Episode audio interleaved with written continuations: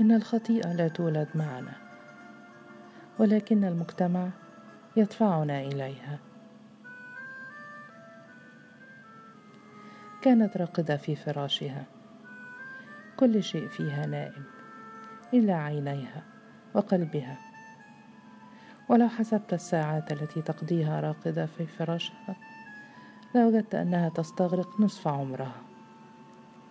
دنياها كلها فوق هذا الفراش.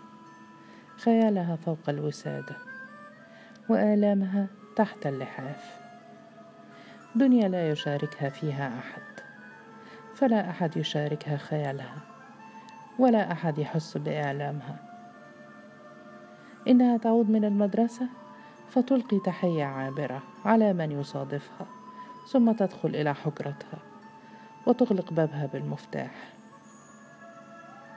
وتلقي بشبابها فوق الفراش.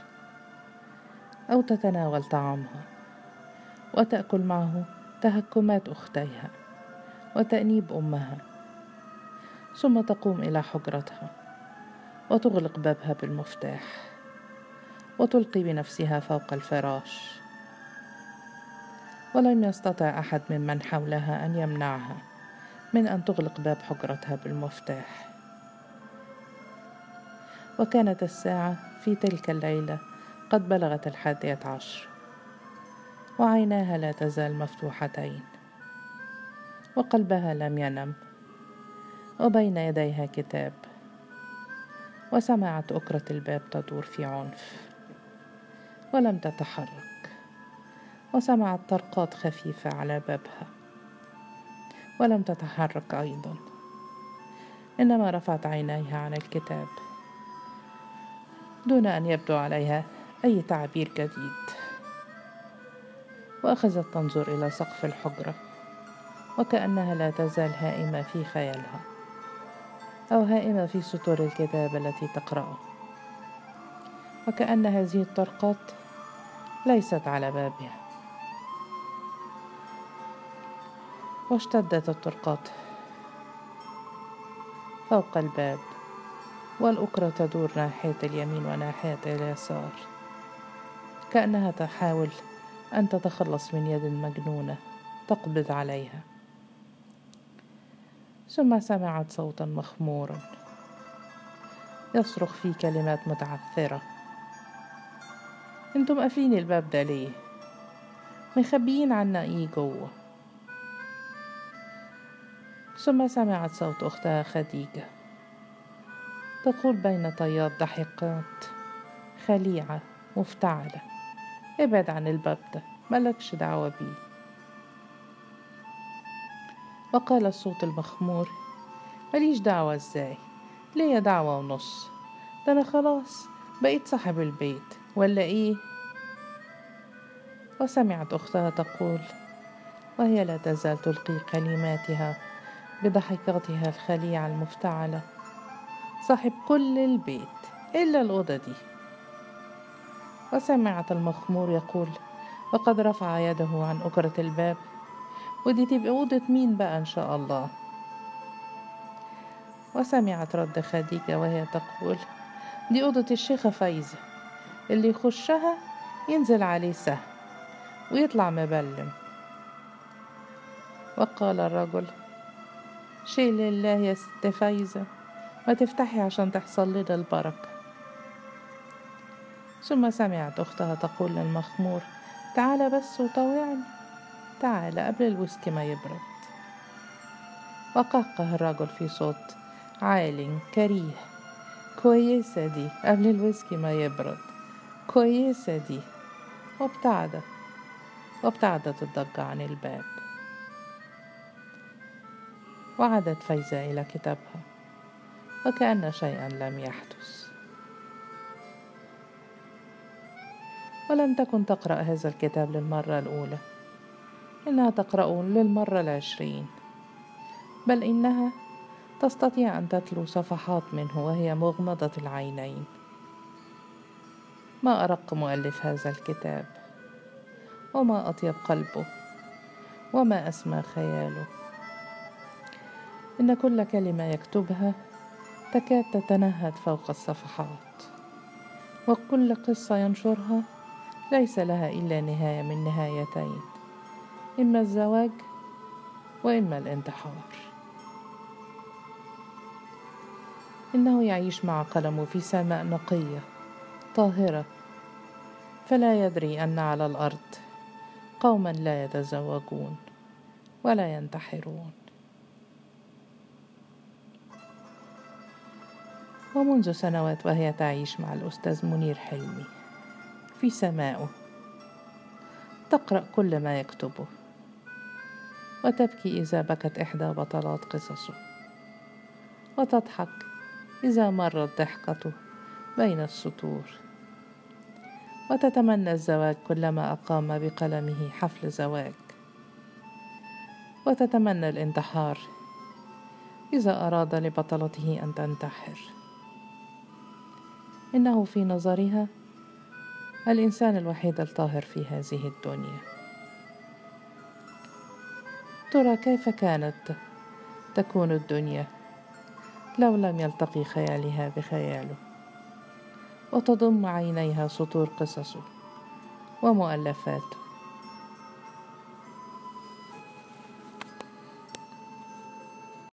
كم تمنت أن تراه ترى رؤية العين.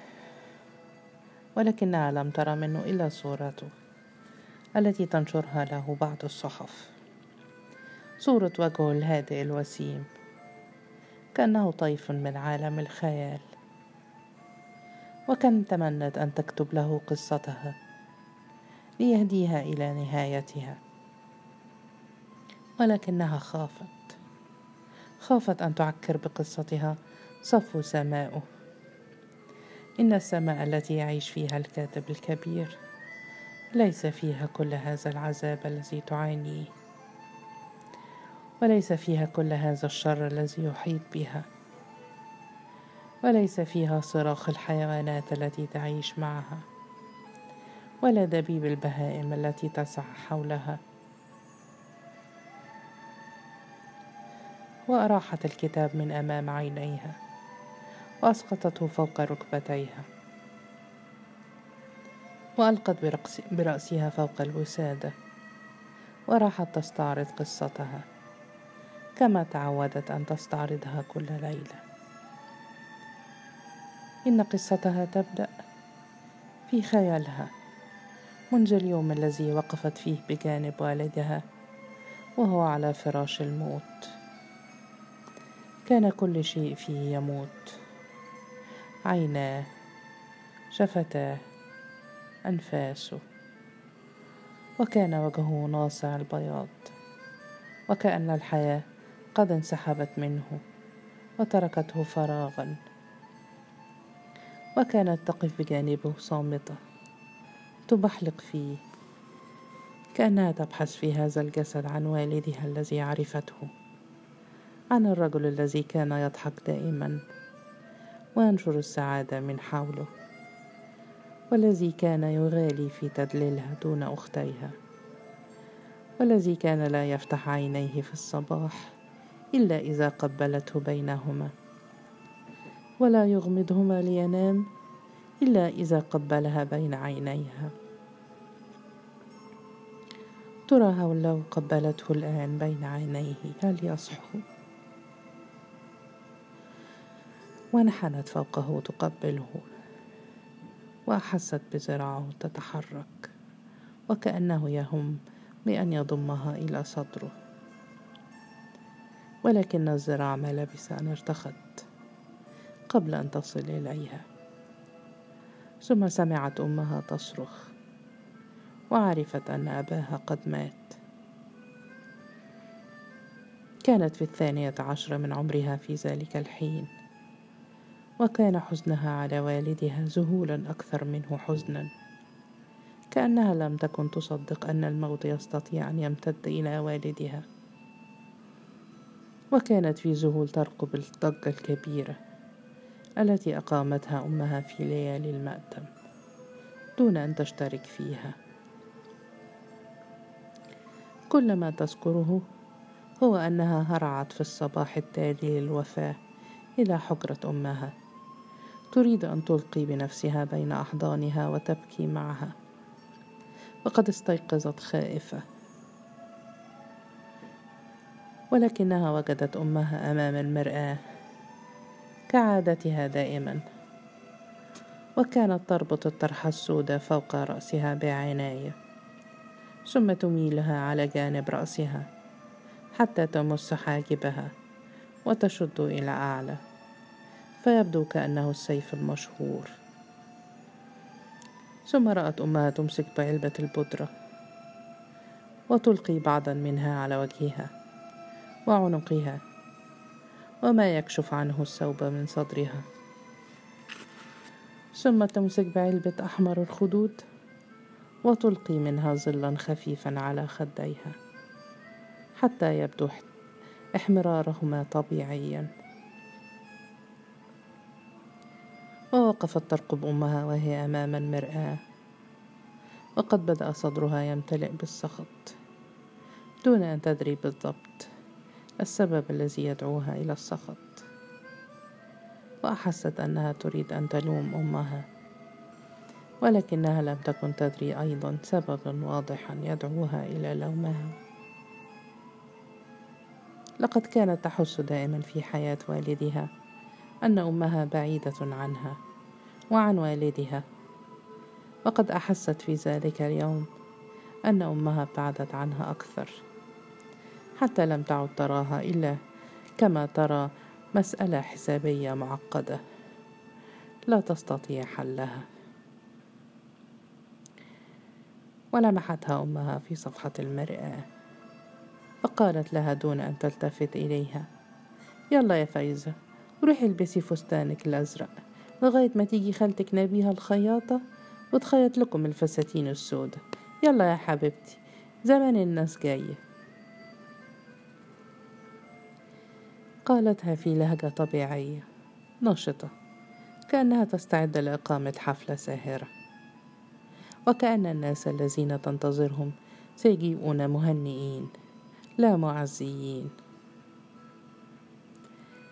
لم يكن يبدو عليها حزن إلا هذا الثوب الأنيق وهذه الطرحة السوداء التي تشد حاجبها إلى أعلى.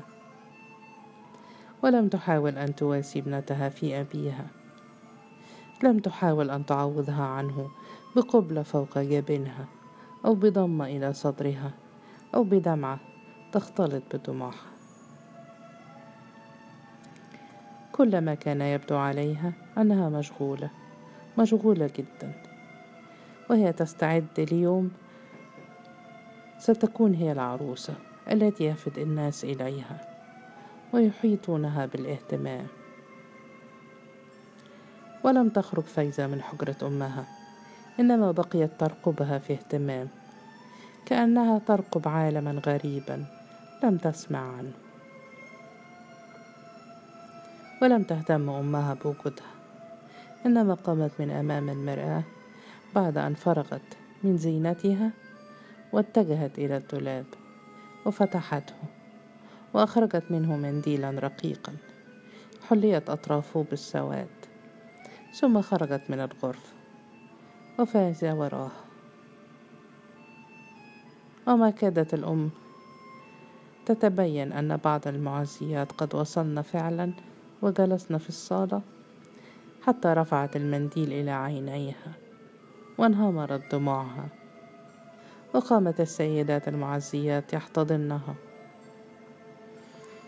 ويبادلنها دموعا بدموع.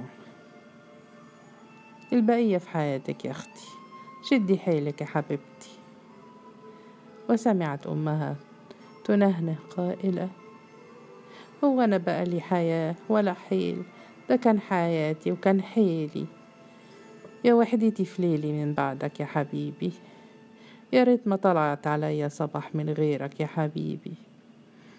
أهو كان بيقعد على الكرسي ده هنا يا سنية هانم. راجل ولا كل الرجالة. وكان يدخل عليا من الباب ده يا عزيزة هانم والخير بين إيديه والسعد في رجليه. هو فين؟ راح فين؟ آه يا حبيبي. واستمعت فايزة إلى نهنهة أمها كأنها تستمع إلى حوار في فيلم سينمائي. تلقي زينة صدقي. وربما لو لم يكن أبوها هو المقصود بهذه الكلمات لضحكت. وفجأة يحضر الخال وهو يصرخ كأنما مسه الشيطان. وهو يقول عايز أعرف مين اللي عمل النعي ده؟ إزاي يحط اسمي بعد اسم خليل زهران الموظف السنكوح اللي في الدرجة العشرة؟ ده كان نسب مهبب من أوله لآخره. ولا تسمع فايزة شيئا بعد ذلك. وتسقط فوق فراشها كأن صاعقة مستها. وتلتفت إليها أمها قائلة مالك يا فايزة؟ ثم تضع يدها على جبينها وهي تقول كأنما تحادث نفسها. دي البنت سخنة زي النار. بقى دي عاملة تعمليها مقصوفة الرقبة. ما لقيتيش يوم تعي فيه إلا النهاردة. ثم تلتفت إلى أخيها. قائلة عن إذنك يا أخويا أما شوف أسبرين لفايزة وبقيت فايزة في فراشها خمستاشر يوم. محمومة. ضعيفة مذهولة تمر عليها في ذهولها أشباح من حزنها تملأ قلبها بالخوف والحيرة. ولم تشهد شيئا من المشاكل التي تعقب الوفاة عادة. ولم تكن تعتقد أن هناك مشاكل. فإن والدها قد ترك لهن معاشا يكفيهن وإرثا صغيرا يعينهن على الحياة. دون الحاجة إلى أحد. إلى رجل يحميهم ويقوم على شؤونهم فقد تركهن أبوهن ثلاثة بنات وأم. ليس لهن أخ وليس لهن أحد من أقاربهن يثقن فيه. وهي تذكر كلمة قالتها أم نبيها الخياطة. وهي تندب ساعة صراخ العزاء. قالوا لي ليه النعش مايل قلت ماليش بين الرجال ابن شايل. وهي تذكر أن عويل النساء وصراخهن قد اشتد عقب أن قيلت هذه الكلمة. كأن كل منهن قد أحست بفداحة المصيبة. ولكن فايزة عندما قامت من فراشها وخرجت من غرفتها وجدت في البيت رجل. كان بدينا كل شيء في وجهه منتفخ عيناه وأنفه وخداه وشفتاه. وكان متأنقا في ملبسه أكثر مما يحتمل سنه.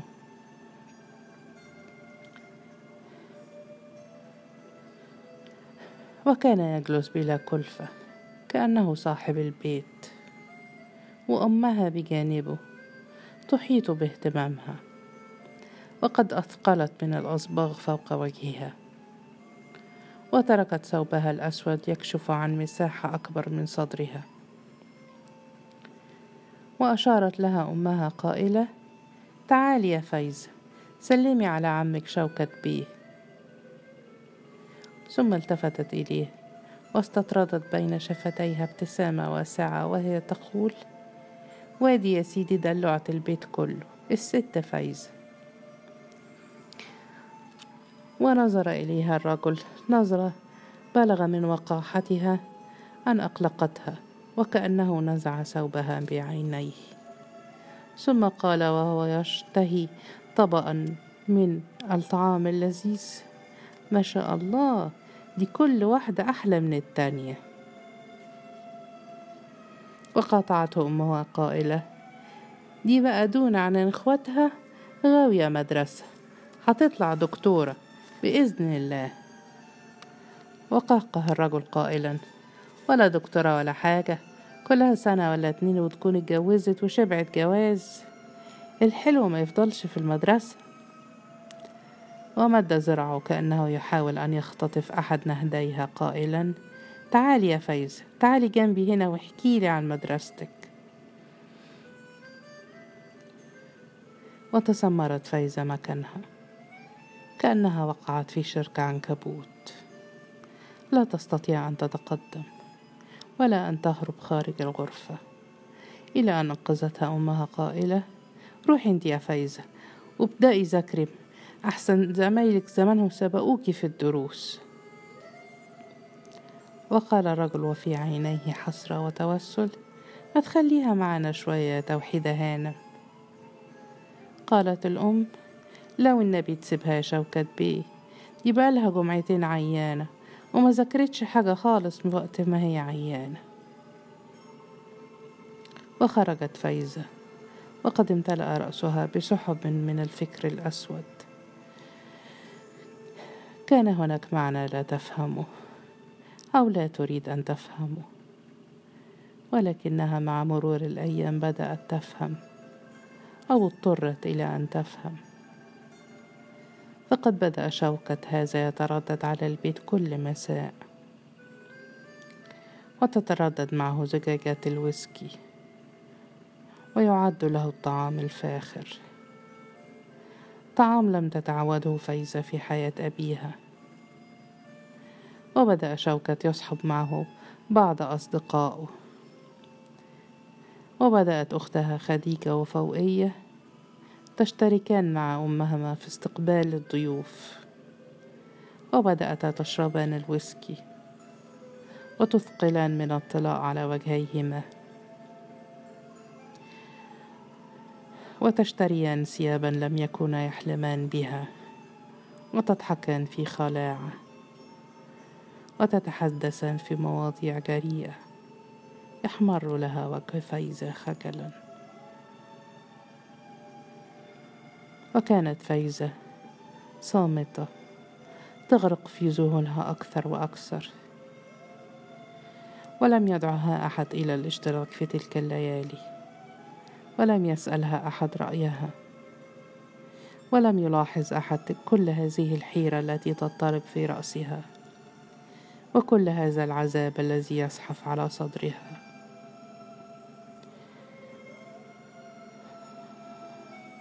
وأصبحت تحس أنها تحمل أمها وأختيها جرما لا تستطيع أن تواجه به الناس. وكان يخيل إليها أن الجيران كلهم يشيرون إليهما. كلما مرت بهم ويتهامسون وصديقاتها في المدرسة يتقولن عليها. ولم تستطع أن تفعل شيئا إزاء كل هذا إلا أن تزداد انطواء على نفسها وتزداد صمتا. وهي في انطوائها تزداد تعلقا بذكرى أبيها. لو كان حيا لصان سمعتها وسمعة أمها وأختيها لو كان حيا لاستطاعت أن تواجه الجيران. وأن تقف مع زميلتها في المدرسة على قدم المساواة. وكانت تنام كل مساء في بحر من الدموع.